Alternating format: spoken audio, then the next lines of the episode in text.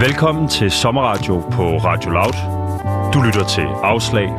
Din vært i dag er Mathias Røn Frisenborg Poulsen.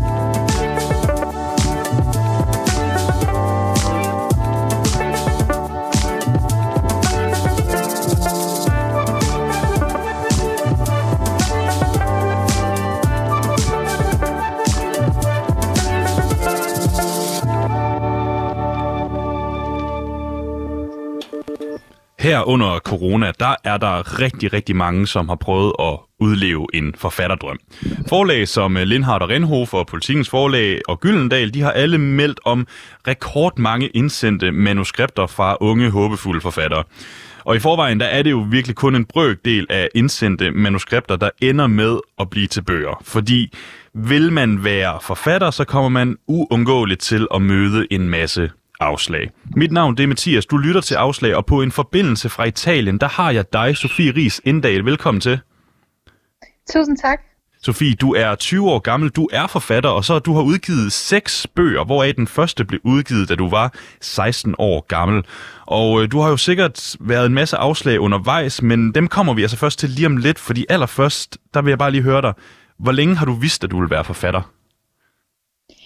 Øhm, jeg har skrevet lige siden jeg var helt lille, hvilket er sådan en rigtig klassisk historie, som de fleste forfattere kan fortælle. Øhm, men jeg var også meget seriøs omkring, at jeg gerne ville ud med mine historier, udgive mine historier øh, fra en ret tidlig alder. Faktisk så seriøs, at jeg var 11 år gammel, da jeg sendte min første sådan, roman, som sådan, den var jo ikke lige så lang som en rigtig roman, men sådan en børneroman til sådan 11 år i, til Gyldendal, øh, ja, da jeg var 11, øh, som jeg så fik afslag på ret hurtigt. Øh, men det var så mit første afslag øh, af rigtig, rigtig, rigtig mange afslag. Hvad handlede den første bog om? Øh, den handlede om havfruer. Øh, ja, på Bornholm. havfruer på Bornholm. Jeg kan ikke lade være med at tænke, ja. vil, vil, du selv, vil du selv læse den bog i dag? Øhm, altså, den var jo ikke skrevet særlig godt, men den var jo også skrevet til 11-årige, så jeg tror måske, hvis der havde været en voksen, der ligesom havde... Ej, nej, det vil jeg faktisk ikke. Den havde, den havde et meget mærkeligt sammenstrikket plot, lad mig sige det på den måde. så, uh, plot... Men altså, konceptet om havfruer på Bornholm, synes jeg, der er ret originalt. Jamen, det kan da sikkert sagtens fungere. Hvorfor var det, du gerne ville være forfatter? Som 11-årig allerede? Øhm, jeg tror det var fordi, at man havde alle de her ikoner. For mig var det meget sådan noget J.K. Rowling og sådan Stephanie Meyer. Du ved, jeg var rigtig glad for både Twilight og Harry Potter på det tidspunkt. Øhm, og jeg tror det der med, at historien ikke bare var noget op i ens eget hoved, fordi at som lille forfatterspire, så går man jo ofte i en klasse, hvor der ikke rigtig er andre, der interesserer sig for det samme. Så det med at udgive sine bøger var også en måde ligesom, at få sin historie ud på og dele dem med andre mennesker, så det ikke bare var noget, der var op i ens hoved. Øhm, jeg har også altid været meget udadvendt, så jeg har ikke haft det samme behov som andre forfattere, som bare godt kan lide at sidde og pusle med deres egne ting. Jeg tror, øh, jeg, jeg ville gerne have nogen, der ligesom også skulle læse med og kunne tale med om, om det, jeg havde skrevet øh, sammen med mig. Er det, er det typisk for forfattere, at de, at de bare gerne vil udgive en bog, og så er de ligeglade med, hvem der egentlig læser med? Eller hvordan skal jeg forstå det?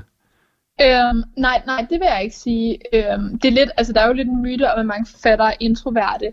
Øhm, men jeg synes blandt mine kollegaer, mine kollegaer er selvfølgelig også de udgivet forfattere, øhm, så jeg ved ikke, om der er som større sandsynlighed for at blive udgivet, hvis du er øh, ekstrovert.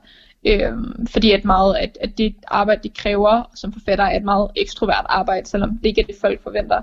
Øhm, men, men jeg tror i hvert fald, at jeg blev så senere oprettet på det her øh, site, der hedder Movellas, en hjemmeside, hvor at jeg kunne udgive mine bøger og snakke med, med andre, eller jeg kunne udgive dem online, ikke? øhm, og give feedback og læse andres historier, som de havde udgivet online. Øhm, og der var der ret mange, som tøvede meget mere med at dele deres historie med andre, end jeg gjorde. Øhm, ja, men jeg ved ikke, om det har noget at gøre med, at jeg var ekstrovert. Det er bare min egen mistanke. Det jeg var da... meget, meget, meget ekstrovert. det kan da sagtens være. Altså, da, men, da du sender det der manuskript ind som, som 11-årig, altså, hvad, hvad fik du at vide, da du sendte det ind? Øhm, jeg fik faktisk, der er jo, normalt får man jo bare et standardafslag, men de var faktisk meget søde. Altså, jeg ved ikke, de gav Øh, altså jeg tror, de gav, jeg sendte det med posten, og jeg tror, jeg fik afslag efter en uge, så jeg ved ikke lige, hvor meget sådan, de nåede at læse af det. Men de skrev sådan, øh, hej, tak for dit manuskript, og så sådan, øh, vi vil desværre ikke udgive det, men, og så var det også sådan lidt, men øh, øh, hvad hedder det, de skrev sådan noget med, men du kan tage på forfatterskole, hvis du vil udvikle dit talent, eller, eller ej, de skrev ikke udvikle dit talent, jeg tror, hvis du vil lære at skrive lidt bedre. Jeg tror ikke, de, jeg ville kan huske, hvis de havde brugt ordet talent om mit skriveri, det havde gjort det helt klart ikke.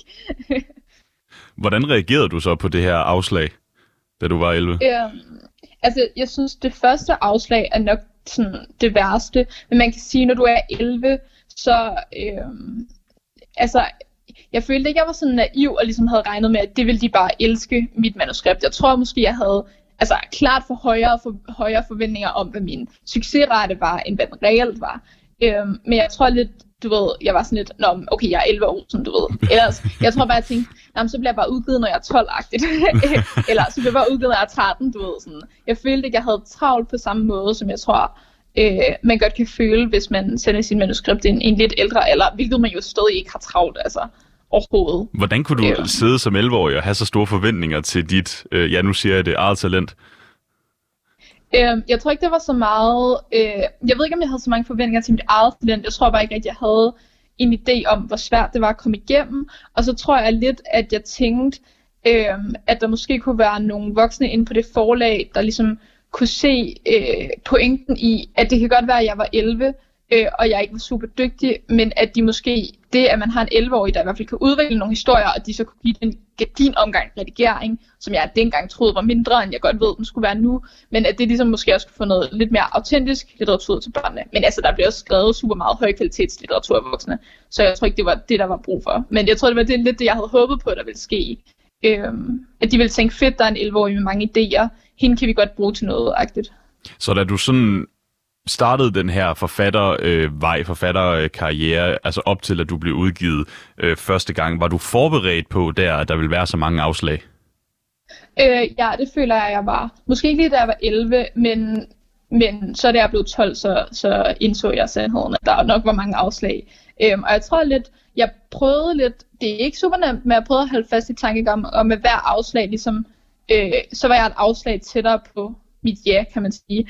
Øh, jeg havde en øh, grantante, der sagde til mig, øh, at man skal få 100 afslag, før at man ligesom bliver udgivet. Ikke? Og så var jeg sådan, så nu mangler kun 99, nu mangler kun 98-agtigt. Og det, man kan jo ikke måle det på den måde, men man kan sige, jo flere afslag du får, især fordi at jeg blev, blev, ny, blev ved med at skrive nye bøger, som jeg sendte ind til nye forlag, øh, eller til de samme forlag egentlig. Ikke? Øh, men det gjorde jo også, at hver gang jeg fik et afslag, så ville det sige, at jeg havde skrevet en ny bog, hvilket vil sige, at jeg var blevet bedre. Så på den måde kan man godt sige, at selvom det måske var selve derfor afslaget, der ligesom gjorde, at jeg blev tættere, kom tættere på at blive udgivet, så var det det, jeg blev ved med at prøve, gjorde jo, at jeg blev bedre, og jeg kom tættere på at blive udgivet. Jeg tror aldrig, jeg var blevet udgivet, hvis jeg ikke havde fået alle de afslag, øh, for så havde jeg ikke skrevet alle de bøger. Sindssygt Kile er min debutroman.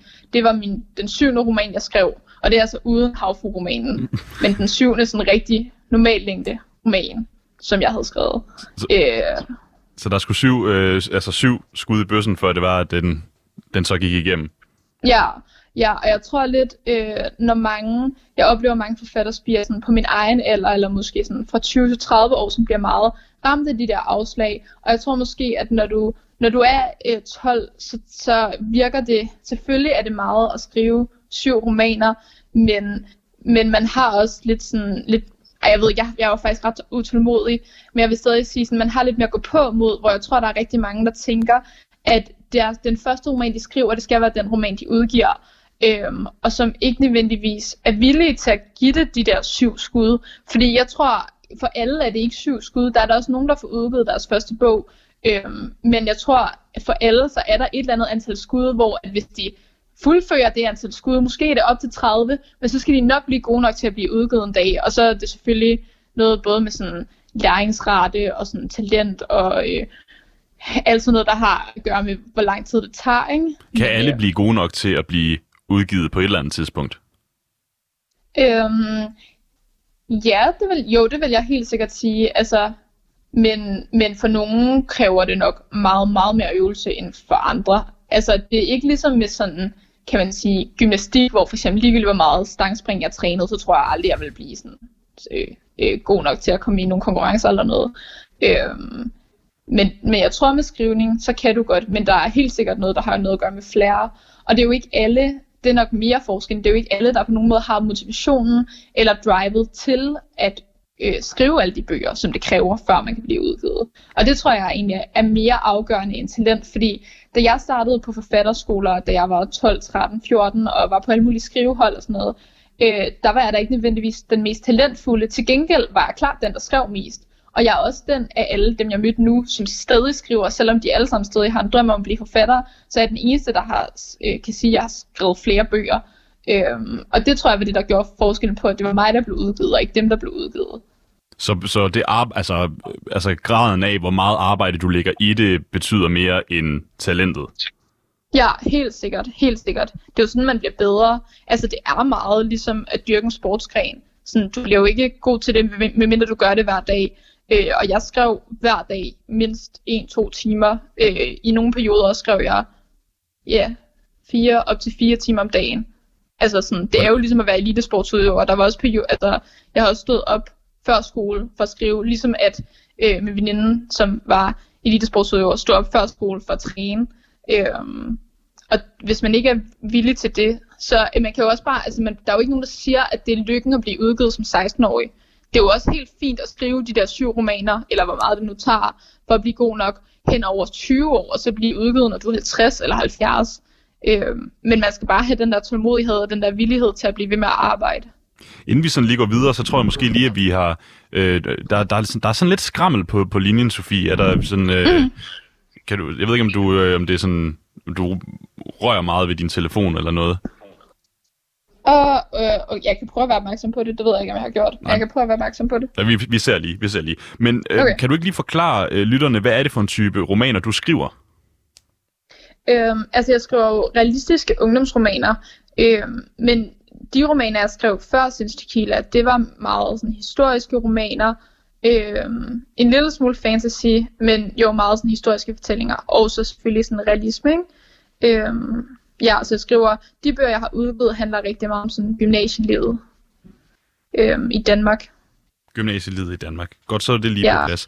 Da du og jeg snakkede sammen i sidste uge, der nævnte du, at som forfatter, du har ligesom inddelt de her forskellige typer af afslag, at du har inddelt det i fire forskellige typer, som man kan få øh, som forfatter.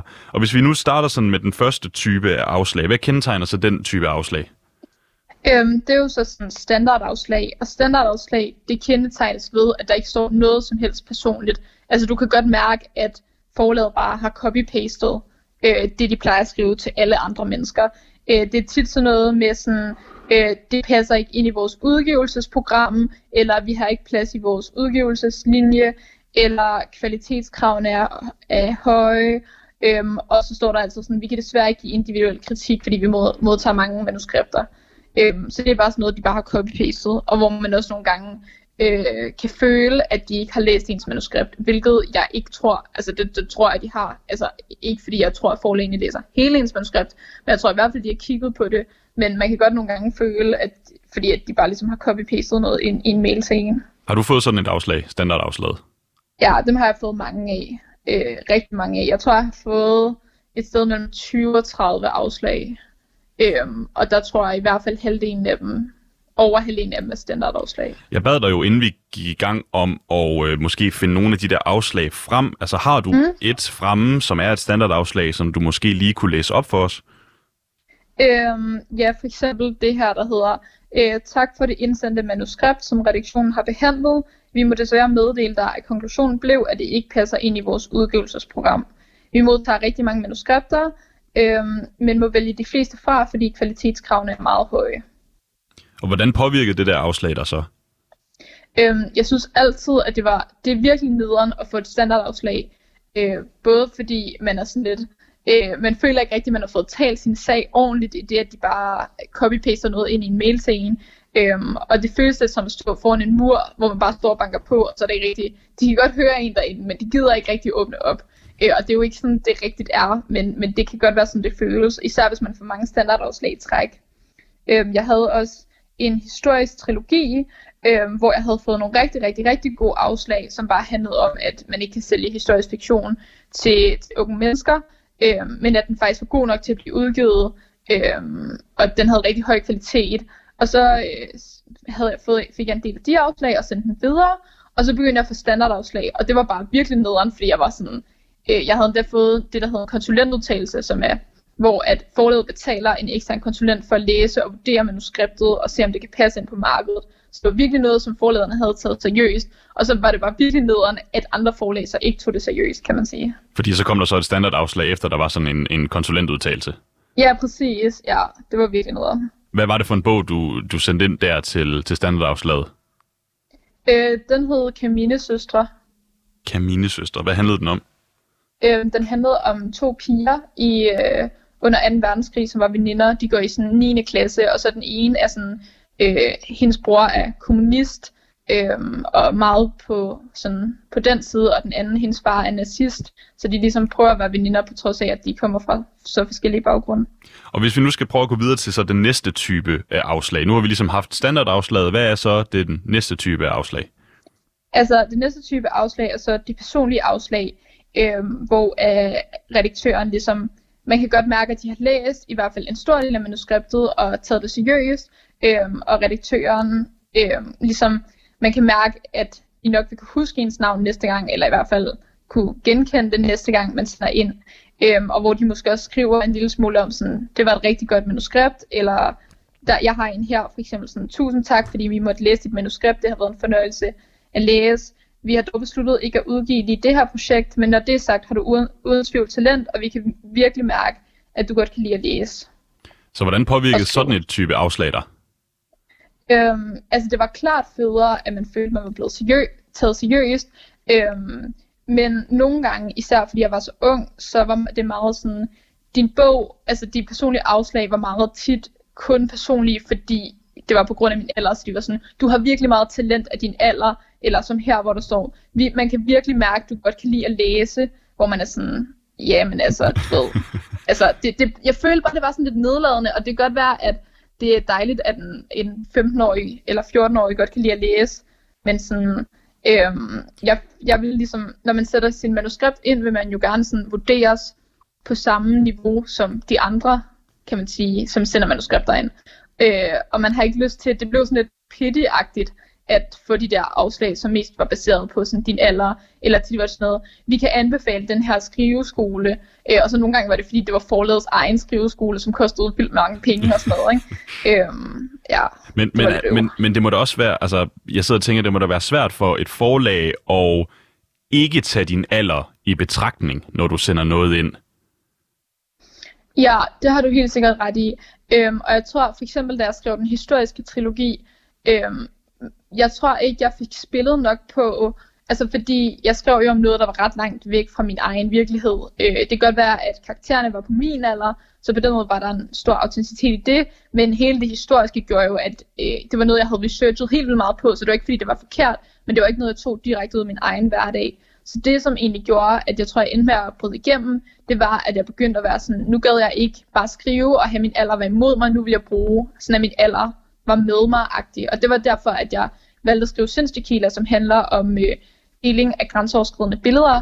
Øh, og ligesom det var, den var sådan inspireret af Umbrella-sagen, og jeg skrev den, da jeg var sådan 15-16 år, og lige var startet i gymnasiet. Og på den måde kunne jeg fortælle meget mere autentisk om øh, både vores, vi unges brug af sociale medier, vi unges billeddeling, end nogen forfattere, som bare havde læser til det, eller interviewet andre unge til det, nogensinde ville kunne, fordi jeg stod midt i de der sager, og også havde øh, kammerater, som blev dømt i de der sager. Øh, og også, altså jeg selv var en del af hele den der vivlvind af, af deling af billeder. Øh, så, så på den måde stod jeg lige pludselig og kunne lave en eller anden sådan, mere form for sådan autentisk øh, own voices-agtig fortælling. Øh, men og det du... tror jeg også var det, der gjorde, at, at så var det lige pludselig, min alder var en, en fordel for mig. Men følte du dig nødsaget til det?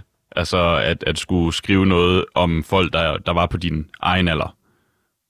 Øh, ja, jeg tror, jeg følte mig... Altså, jeg tror ikke... Hvis jeg ikke havde gjort det, så var jeg ikke blevet udgivet så tidligt. Så tror jeg seriøst, jeg kunne have skrevet det mest geniale manuskript nogensinde. Øhm, og så tror jeg... Så ved jeg ikke, om der var nogen forlag, der ville have taget det seriøst. Man kan sige, at mit eget forlag, som jeg endte med at blive udgivet hos byens forlag, øh, er lidt anderledes end store forlag. Og jeg tror egentlig, at de ville have haft det fint med min alder, uanset øh, hvilken slags fiktion det var, jeg havde skrevet. Øh, men udover det, så altså selv da jeg skrev Sinds Tequila og havde min alder i ryggen, øh, der fik jeg stadig afslag fra de store forlag. Øh, og det, det synes jeg var ret nederen, fordi jeg følte ligesom, at de, det var som om de ikke rigtig, rigtig turde sådan satse på mig. Man kan sige, at Sindssyg kom så ud og blev både en virkelig, virkelig, virkelig godt sælgende bog, men også en bog, der fik fire stjerner i politikken, øh, og rigtig meget ros af deres anmelder. Så ligesom, kan man sige, den fik sit kvalitetsstempel, da den først udkom, men jeg synes, det var, jeg synes, det var hårdt, at øh, de ikke turde satse på mig, nu når jeg havde min alder i ryggen, fordi jeg, altså, jeg følte ligesom, jeg havde frataget dem alle deres argumenter for, at de kunne sige, at de ikke ville udgive mig på grund af min alder. Er det med alderen, er, er, det, er det det, der sådan, er det det, du har været, de, de type afslag, som ligesom har været aldersbaseret, er det dem, du har været allermest træt af? Ja, det har været det helt vildt værste. Altså, jeg havde, når folk skrev, skrev, at jeg skrev godt af min alder. Jeg vil hellere have, at folk skrev, at jeg skrev middelmodigt øh, af en normal person, eller sådan en gennemsnitlig person, der indsender manuskripter, end jeg vil have, at nogen sagde, at jeg skrev godt af min alder.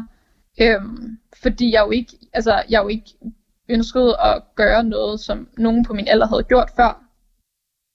Nej, det forstår jeg. Øhm, og hvis vi lige hvis vi lige vender tilbage til, øh, til de her typer afslag. Nu har vi haft standardafslag mm. og det personlige afslag. Hvad er så den tredje type afslag?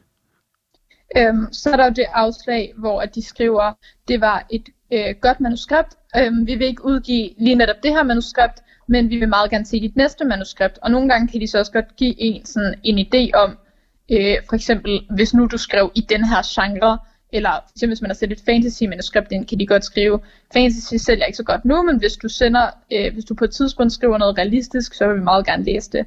Øhm, og det er jo et vildt fedt øh, afslag, synes jeg i hvert fald, fordi jeg havde jo bare mod på, jeg var jo ikke færdig, da jeg først havde skrevet en bog. Jeg havde jo så mange bøger i armet, så på den måde, så var det selvfølgelig nederen, de ikke ville tage lige den bog, jeg havde håbet på, at de ville tage, men så tænkte jeg bare, Nå, så var der bare endnu mere motivation for at skrive den næste bog. Og det kan man sige, der lidt blev problemet med det afslag for mig, det var, at jeg øh, hos mange af de samme redaktører, hos de samme forlag, fik det der afslag tre til fire gange, hvor det bare, vi vil gerne se dit næste manuskript, vi vil gerne se dit næste manuskript, og det var bare, hver gang jeg kom med det næste manuskript, så var det bare ikke lige det-agtigt, selvom jeg følte, jeg havde fulgt sådan, de der guidelines relativt meget. Kan det, kan det have noget at gøre med, at, at forlaget, eller sådan, at de heller ikke vil, de vil heller ikke afskrive det, fordi de siger, altså, at det kan godt være, at der er noget, men så at, at de sådan holder en lidt hen. Altså er det, noget, er det en strategi, tror du? Jeg tror på ingen måde, at det er en bevidst strategi. Jeg tror aldrig nogensinde, at nogen forlag ønsker noget ondt for forfatterne, eller på nogen måde ønsker sådan, ja, at holde dem hen på den der måde. Men man kan godt føle, altså, man føler sig jo vildt beæret over at være inde i varmen på en redaktør, så jeg tror som forfatter, så tænker man slet ikke nogen kritiske tanker over det. Men, men for mig tror jeg, at det var rigtig meget, fordi de var rigtig interesseret i mig, fordi at de synes, at det jeg leverede var godt. Men jeg tror hele tiden, at hver gang jeg sendte manuskript ind, så er de alligevel sådan, uh, men hun er jo så ung. Øhm, så jeg tror egentlig nærmest bare, de ventede på, at jeg blev ældre, ældre, ældre. øhm, ja. altså bare, bare have krog fat i dig stadigvæk, indtil, indtil du blev gammel nok. Ja, ja, præcis. Og problemet var, at sådan, jeg vidste jo ikke helt, hvad gammel nok var. Og hvis jeg skal være helt ærlig, tror jeg stadig ikke, jeg er blevet gammel nok øh, til det. Øhm, og det er ikke fordi, sådan, jeg er mega taknemmelig over for alle de redaktører, der blev ved med at give mig positiv feedback og give mig de der personlige afslag og vil blev ved med at vil læse mit næste manuskript. Så det er ikke fordi, jeg overhovedet er sur på dem. Øhm, men, hvad hedder det?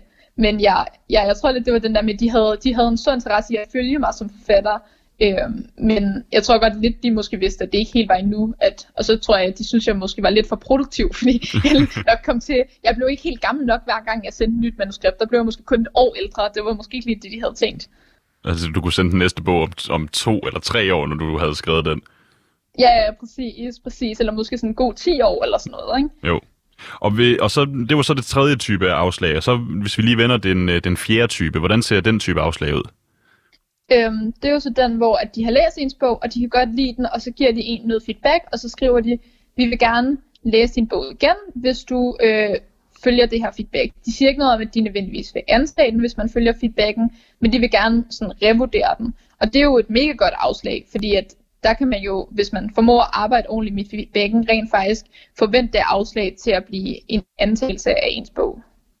Og hvordan, altså sådan, altså, hvis du skulle sige noget positivt omkring de her afslag, altså hvad, hvad er det så? Øhm, altså det positive ved de her forskellige typer afslag, og også at være bevidst om dem, det er, at man som forfatter spiger hele tiden, selvom at jeg måske fik 20 afslag, så kravlede jeg hele tiden et trin længere op af sådan afslagsstigen, og det gjorde, at jeg følte, at jeg på en eller anden måde var i fremgang i min forfatterkarriere, selvom jeg ikke fik antaget en bog. Hvilket afslag er du blevet gladest for? Øhm, jeg havde et afslag på Camille Søstre på en redaktør, som var øh, som fulgte mig rigtig meget, øh, hvor hun skrev, at hun ville virkelig gerne have udgivet den, hvis ikke det bare var fordi, at genren ikke ville kunne sælge. Øh, og det synes jeg var ret vildt, for på det tidspunkt var jeg 13 år gammel. Så ja, eller 14, tror jeg, ja. Så det var det afslag, jeg var klart gladest for. Hvilket afslag blev du så mest ked af? Øhm, og jeg tror, det har været alle de afslag, der har været sådan, du er rigtig talentfuld øh, øh, med din alder-agtigt. Og hvis, altså, så hvis du skal sådan skal sætte ord på alle de her typer af afslag, altså hvilket afslag er det bedste at få af de her fire typer, vi har været igennem? Øhm, det er klart, det er, hvor de gerne vil se ens manuskript en gang til. Altså jeg vil sige, den, den rækkefølge, vi har gennemgået den i, er klart fra værst til bedst, vil jeg sige. Og har du så nogle teknikker til øh, og, altså sådan at leve med afslagene, eller på en eller anden måde komme videre på? Øhm, jeg tror, at det bedste er, at hvis man kan øhm, bruge den der, af, det, det der, den der skuffelse, hvis man ligesom kan få omdannet den. På en eller anden måde kan man godt måske lidt få omdannet sådan, til sådan vrede. Vrede er sådan lidt en effektiv følelse, fordi man virkelig sådan, man får lyst til at skrive. Jeg kan huske, der jeg fik afslag sådan, på Sinstequila øhm, fra, fra nogle af de store forlag, øh, hvor jeg bare lidt, var sådan lidt tur over. Jeg følte, det var fordi, de ikke turde satse og bare gerne ville køre den safe. Øh, og der tror jeg, at den der vrede, den gjorde, at jeg bare fik trang til at skrive endnu mere, øh, og skrive endnu bedre, og udvikle mig endnu mere, for nu skulle jeg ligesom vise dem agtigt. Og hvis man ligesom kan få omdannet den, i stedet for at man bare sætter sådan noget hjørne og er ked af det, men hvis man kan få omdannet øh, de negative følelser, man kan have over et afslag til en handlingskraft, øh, så tror jeg helt sikkert, at det, sådan, at det kan drive en rigtig meget fremad. Men hvad, altså, det, det er bare, hvordan gør man det, Sofie? Fordi noget af det, der imponerer mig ved dig, det er, at, at du bare, altså, bare bliver ved med at prøve, og man, du rejser dig igen lige efter, at du render ind i afslag på, på afslag. Altså, hvordan får man omdannet skuffelsen til en, en handlekraftighed? Øhm, jeg tror, det handler rigtig meget om, at man har en tro på sig selv. Fordi det er jo svært at øh, omdanne skuffelsen til, nu skal jeg bare vise dem, at jeg er meget bedre og kan sælge meget mere, end de tror, hvis man ikke selv tror på det. Øh, så for mig var det rigtig givende at være en del af det der online øh, fællesskab, øh, der hedder Movellas, fordi jeg havde fået rigtig mange rigtig positive. Jeg publicerede mine historier, øh, og der var rigtig mange, der fulgte med i dem, og var virkelig glade for at læse dem. Og der var også for eksempel den historiske serie, var der mange, der skrev, jeg har aldrig læst historisk fiktion før, men du har gjort mig vildt interesseret i genren. Øhm, så på den måde ligesom at have en masse positiv feedback ved at have delt sine tekster med en masse mennesker. Øhm, jeg kan kun sådan opfordre folk til at dele deres tekster online, øhm, fordi man ligesom kan få en masse positiv feedback. Øhm, ja, jeg tror det var det, der sådan, kan man sige, holdt mig i gang, eller sådan gav mig troen på, at jeg godt kunne. Øhm, og jeg tror også, jeg tænkte, men hvis jeg ikke er god nok nu, så må jeg bare blive god nok, og det bliver man bare kun ved at skrive. Øhm, Var du så selvom noget? man ikke ligesom selv tror på, at jeg er god nok lige nu, til at de bare skal fortryde, at de afslog den her bog. For der var mange af de bøger, jeg har sendt ind, hvor at det var totalt en rigtig beslutning, at de ikke tog dem ind. Øhm, fordi de ikke var gode nok. Men hvis man ligesom kan være sådan, så skal jeg bare blive, god, blive så god, at de ikke kan lade være med at sige ja til mig.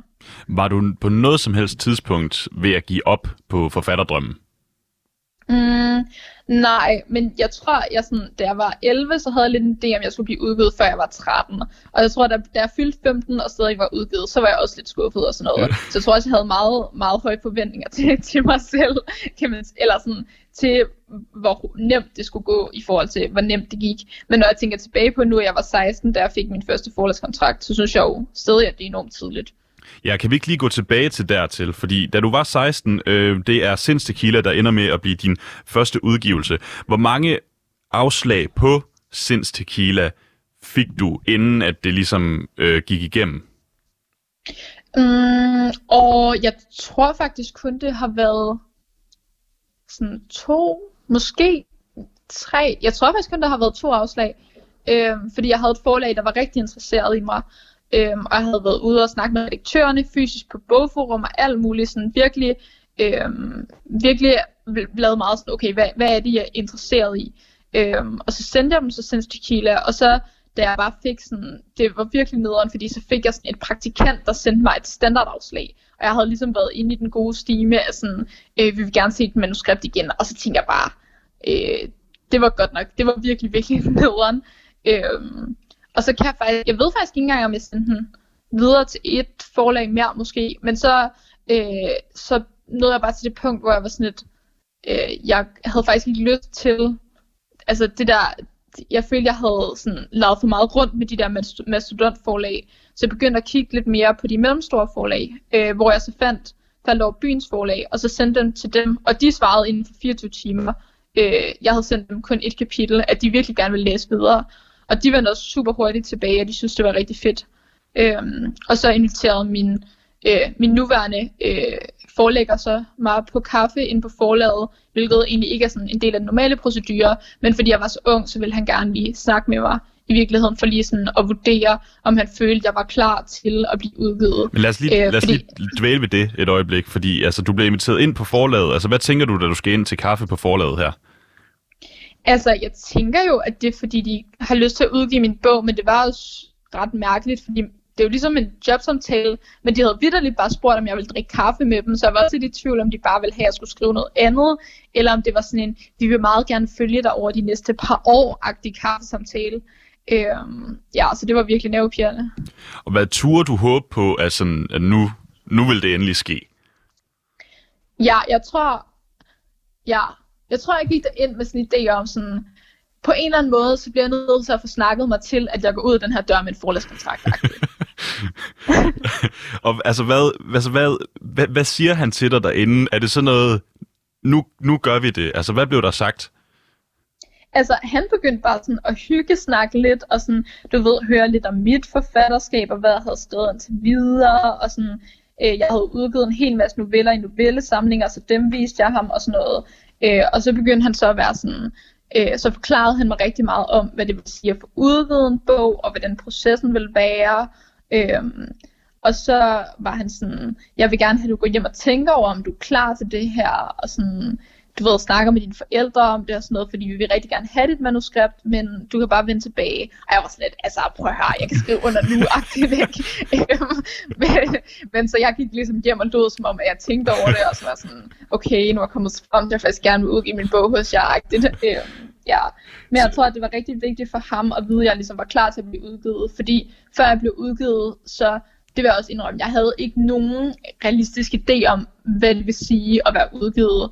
Og derfor er jeg også rigtig glad for, at jeg ikke blev det tidligere, tror jeg, fordi øh, at være sådan, lige pludselig at være en offentlig person, og lige pludselig så tog jeg jo til interviews hver uge, og det der med bare sådan at møde op på en café og skulle finde en eller anden journalist, man ikke ved, hvordan det ser ud, øh, og, og tage i radioen og skulle ud og holde foredrag for en masse mennesker og skulle være på scenen på bogforum øh, og også det der med at folk begynder at anmelde dine bøger og skrive om den online. Hele det der med at være en offentlig person, øh, det er altså, jeg var klar til det, der jeg var 16. Slet ingen problemer der. Men jeg ved ikke, om jeg ville have været klar til det, der jeg var 13, fordi det, det kræver trods alt også sådan, det kræver en robusthed at, at kunne klare det agtigt. Men sådan lige da det er, det går op for dig ved det her kaffemøde, at uh, din forlægger egentlig tilbyder dig at, hvad hedder det, udgive bogen. H- hvad går der så gennem hovedet på dig? Hmm, jeg tror, det var meget sådan, fuck ja, nu har jeg endelig gjort det agtigt. Øhm, også fordi jeg selvfølgelig, når man går ind til et forlag, er man meget sådan, øh, lidt nysgerrig på, hvor meget kommer de egentlig til at bære bogen, og jeg tror, jeg havde det sådan lidt, øh, jeg er så klar til at arbejde røven ud af bukserne for, at den her bog skal komme ud i verden. Så selv hvis de ikke øh, sender den her bog til alle de store medier, så skal den nok komme ud i verden. Det viser så, at mit forlag er et mega godt forlag, som totalt meget har taget til den, nærmest endnu mere, end jeg selv har. Øh, så der var ikke noget at være bekymret over. Men jeg tror bare, jeg tænkte, det at der er overhovedet nogen, der har lyst til at publicere min bog i fysisk form, så har jeg en bog, som jeg, som jeg kan arbejde for at få solgt til andre mennesker, eller få ud i verden, kan man sige. Følte du på det her tidspunkt, at du ligesom havde made it?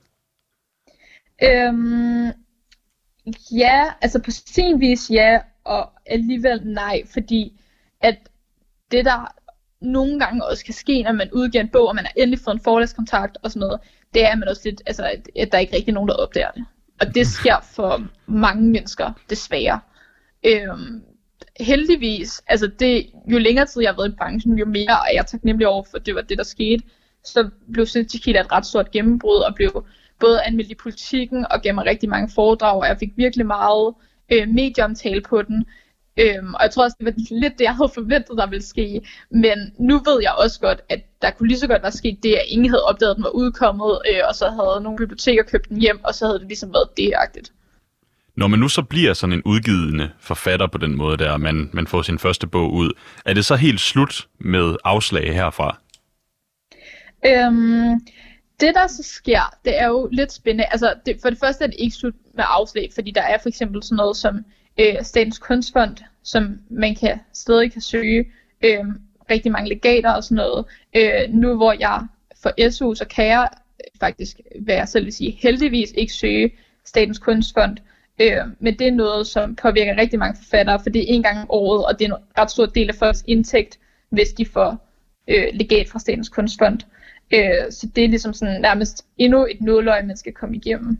Og Statens Kunstfond, det er jo så, man, man kan få løn af, af den fond til at kunne arbejde på sin næste bog. Er det rigtigt forstået? Ja, helt sikkert. Det er sådan et arbejdslegat. Du får sådan øh, 50.000 eller 100.000 kroner, eller op til en kvart million faktisk, til, til, som løn altså af staten, for at lave din kunst. Og du havde søgt Statens Kunstfond? Jeg søgte øhm, et år, eller to år, tror jeg faktisk. Og det var lige der jeg var udkommet. og øhm, ja, det, en, ja, det var lige der jeg var udkommet. Og jeg fik afslag begge gange. Øh, og jeg tror, jeg synes, det er lidt svært med Statens Kunstfond, fordi jeg afskriver ungdomslitteratur øh, til unge, og ligesom har min meget klare vision om, hvad det er, jeg vil, og jeg vil gerne ramme mine jævnaldrende og sådan noget. Og så er det mærkeligt, når man lige pludselig skal ind og overbevise nogle sådan nogle øh, kloge, øh, ældre og meget litterære mennesker om, at ens litteratur er det værd, fordi det var det er et helt andet sådan, publikum, man lige pludselig skal imponere med sin litteratur, øh, som i litteratur overhovedet ikke er skrevet til. Øh, ikke fordi de støtter os ungdomslitteratur, men jeg synes, det var meget svært at skrive de der øh, ansøgninger, og de blev heller ikke særlig gode. Øh, og jeg synes bare, det er en lettelse egentlig, at nu her, hvor jeg er på min uddannelse for SU, så kan jeg ikke søge det.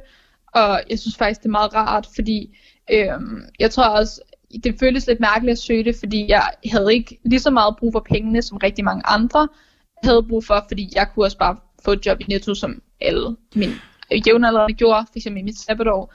Øhm, men på den anden side, så vil jeg gerne have det her kvalitetsstempel, der er ved at få penge fra Statens Kunstfond. Øhm, men faktisk har jeg fået penge fra Statens Kunstfond, men det var da jeg søgte øh, et rejselegat til en specifik researchrejse til en specifik bog. Så på den måde så fik jeg, øh, er jeg kommet igennem hos dem. Øh, men det var så ikke via arbejdslegaterne.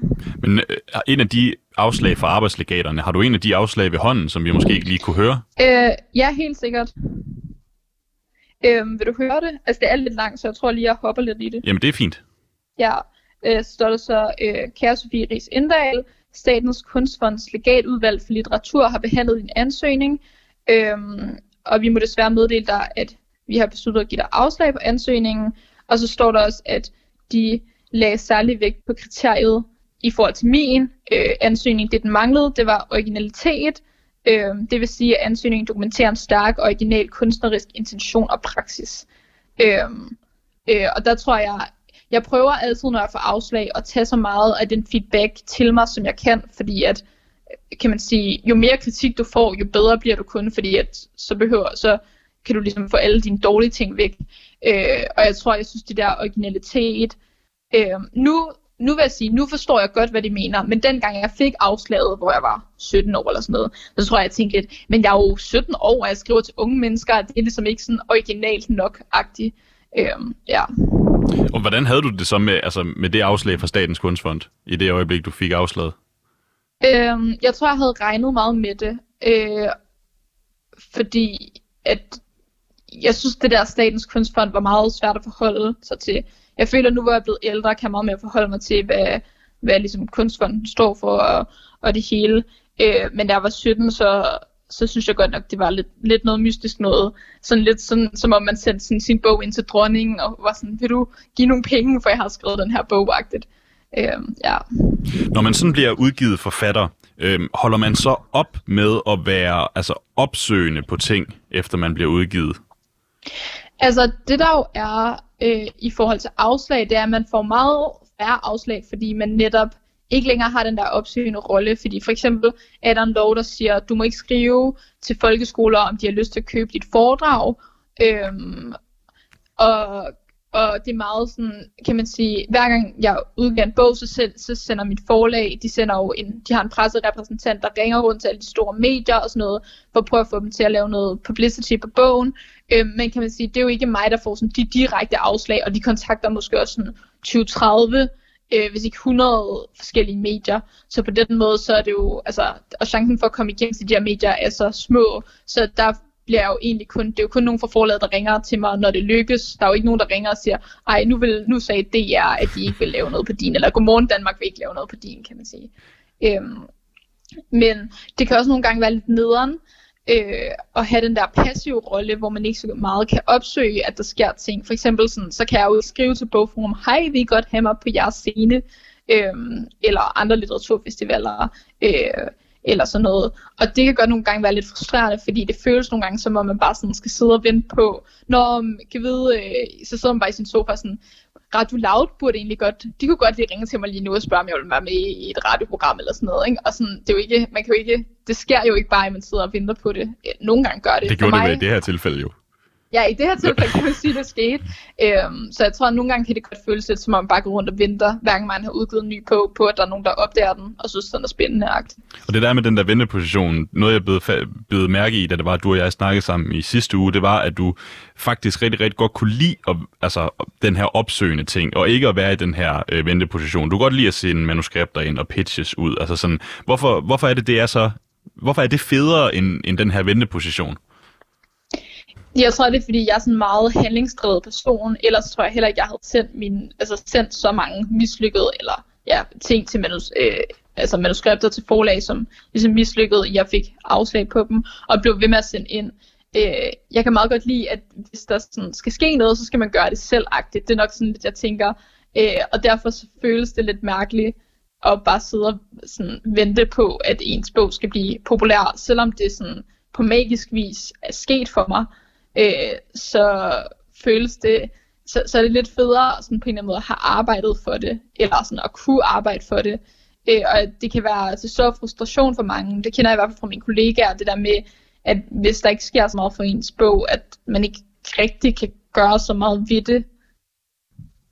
Man kan ikke gøre noget for ligesom at, at ud, udbrede, øh, hvad hedder det, interessen omkring bogen?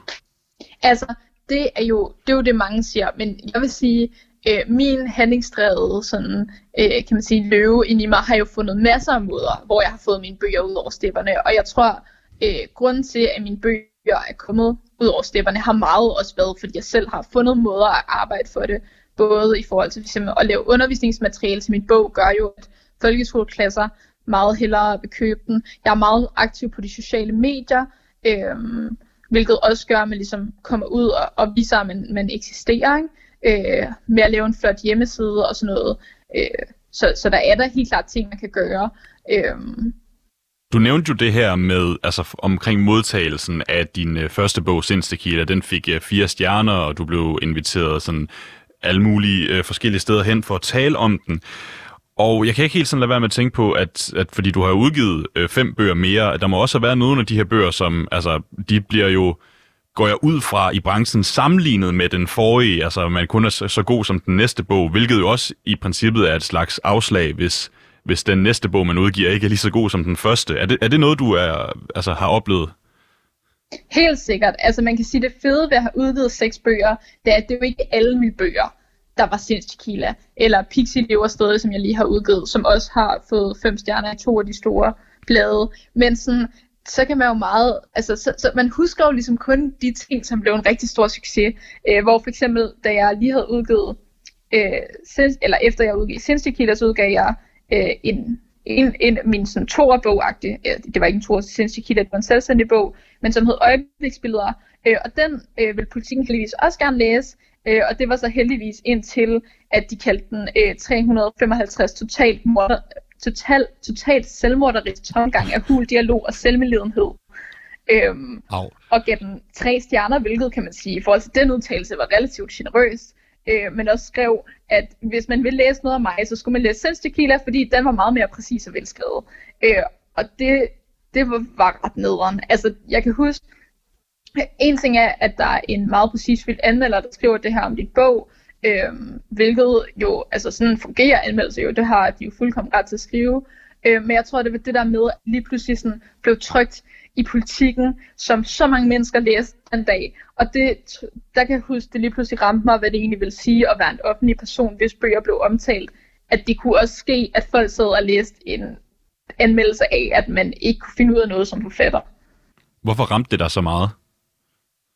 Øh, jeg tror, det, var, det ramte mig rigtig meget oven på succesen fra Selv fordi jeg lige pludselig tænkte sådan, Nå, kan jeg kun, altså, var det, ligesom, var det den bog, altså kan jeg kun skrive en god bog? Øh, og heldigvis fik øjebliksbilleder rigtig gode øh, sådan læsermodtagelse, øh, og solgte faktisk også rigtig godt, men det var, øh, det, det var lidt sådan, øh, man red ligesom på den der bølge af sådan, du ved, åh, folk kan godt lide mine bøger, øh, det går virkelig godt for mig, og så lige pludselig er det bare sådan, nå okay, det er så ikke alt, hvad jeg skriver, som alle øh, synes er super fedt-agtigt. Var det noget, du var forberedt på, inden at du blev udgivet? At... Øhm, altså, det var ikke fordi, jeg ikke vidste, det kunne ske, men sådan, jeg havde overhovedet ikke mentalt forberedt mig på, at det kunne ske. Øh, og hvilket øh, jo også er sådan lidt naivt og sådan noget, men det tror jeg, der er mange, der ikke gør, fordi Problemet er, at man tør jo ikke udgive en bog, hvis man tænker, at nogen kan finde på øh, at kalde den selvmorderisk tomgang af huldialog og selvmedledenhed. Altså, så, så får man jo aldrig nogensinde øh, fuldt sin drøm. Så jeg tror måske også, det er fint nok, men ikke, altså, så rammer det en, og så er det virkelig hårdt, og ærligt, det tog mig en dag op at komme over den anmeldelse. Men det er jo, øh, det er jo, det er jo altså, en, en relativt grov overskrift. Altså, hvad tænker du, da, da du læser den? Jeg tror, jeg tænkte sådan, fuck, fuck, fuck, er mit forfatterliv overstået nu? Fordi når man får sådan en anmeldelse, især i et stort dagblad, for det er jo ret svært at blive anmeldt i det store dagblad, så tænker man bare sådan, øh, okay, øh, altså, kommer det her til at være inde på min karriere? Vil mit forlag ikke se mig i øjnene længere? Sådan, jeg tror også, det er meget, fordi man føler, at man sådan, så lidt til ansvar over for sit forlag, man vil jo, altså det er jo lidt pinligt at udgive noget, som sådan for dårlige anmeldelser, fordi forlaget ligesom også har lagt navnet til det, ikke? Øhm, ja. Kan du leve Men, af... Altså, udover, udover faktisk den overskrift, så er anmeldelsen faktisk relativt, altså sådan, det er ikke verdens værste anmeldelse, resten af anmeldelsen. Der er også en grund til, at han gav den tre stjerner og ikke to stjerner. Øhm, men det var bare lige den der sætning, som satte sig rigtig meget fast. Hvorfor satte den sig så fast? Øhm, jeg tror, det var fordi, den føles så dramatisk, eller sådan, i stedet for bare at være sådan, den her bog er pisse dårlig. øh, så sådan selvmorderisk tomgang af hul dialog og selvmedledenhed, det, det er bare en meget sådan, øh, det, det er et meget stort dis. Men det sjove ved, nu hvor jeg har læst anmeldelsen mange år senere, det er, at jeg faktisk ikke tror, at det er ment som et dis, det er bare ment som en beskrivelse af sådan, altså du ved, jo, karaktererne er relativt selvmorderiske. Ja, de har meget selvmedledenhed. Og ja, deres dialog er ret fuld, fordi de ikke kan formå at tale med hinanden. Så på den måde tror jeg egentlig ikke, det er så meget altså det er ment som det, det, som det lyder som, når man ligesom læser det. Så der lå noget andet i det, end det, som du øh, tog til dig i første omgang? Ja, helt sikkert. Helt sikkert. Eller måske var det bare det, det ved jeg ikke. Men, altså. Men hvis vi lige skulle prøve sådan at opsummere en gang, Sofie. Altså mm. alle de her afslag, som du ligesom har oplevet, både før du blev udgivet og efter du blev udgivet. Altså hvad har de, hvad har de lært dig? Øhm, jeg synes, jeg kan mærke, Øh, nogle gange har jeg jo også kollegaer, som aldrig har fået et afslag, bare har fået udvidet deres første bog. Og på sin vis tror jeg, man har en lidt større respekt for, øh, og sådan taknemmelighed over for øh, det der med hver gang det går godt for ens bog, når man har været en meget lang rejse igennem. Øh, ikke fordi, at sådan, på en eller anden måde vil vi jo alle sammen også godt helst have været den der person, der bare fik udgivet sin bog øh, ved første gang, de sætter den ind til et manuskript. Men når man nu alligevel har gået igennem den der lange rejse, og har fået totalt vabler på fødderne, så føles det meget fint at kunne sidde og være sådan, når jeg klarede det agtigt. Øhm, ja, det det er bare lidt federe at sådan have gået hele vejen op ad bjerget, når man så er på toppen af bjerget og kigger over den flotte udsigt, end at have taget en helikopter op til toppen af bjerget. Se en analogi. Så hvis du nu skulle give nogle råd til nogle mm. andre forfatterspiger, som måske har sendt et par manuskripter ind, og som har fået afslag, som er sådan, det kan være, at de er ved at give op. Altså, hvad, hvad, hvilket råd vil du komme med?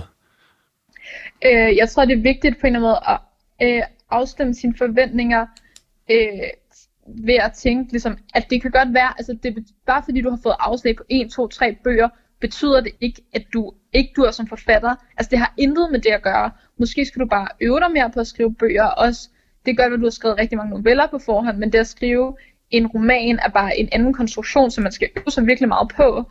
Øh, mine romaner er også blevet bedre, selvom jeg har udgivet for hver bog, jeg ligesom har skrevet. Øh, men samtidig med, at man ligesom forventningsafstemmer, så skal man også stadig bevare håbet, fordi man bliver heller ikke ved med at udføre den der benhårde træning, hvis man ligesom hver gang man sender sit manuskript ind, ikke lidt tror på, at det bliver den her gang. Man bliver nødt til at have den der følelse, hver gang man sender ind, at man er sådan, den her gang, det bliver, nu bliver det nu, at de antager lige præcis det her manuskript. Men hvordan bliver øh, man ved med at have den tro på sig selv? Øhm, ved måske at dele sine tekster med andre, øh, og få noget feedback, fordi jeg tror også, hvis man sidder bare og pusler med det der alene derhjemme, så har man rigtig mange blinde vinkler. Altså det har jeg også. Jeg har stadig øh, både en redaktør, der gennemgår mit manuskript øh, 3, 4, 5, 7 gange, før det bliver udgivet, og også testlæsere på det. Øh, så jeg tror, at man skal have en meget stor øh, åbenhed over for at få kritik af andre mennesker, og også opsøge at få kritik af andre mennesker, hvilket der er rig mulighed for i sådan skrivefora på Instagram og på, øh, hvad hedder det, ja, på Facebook og også på Movellas.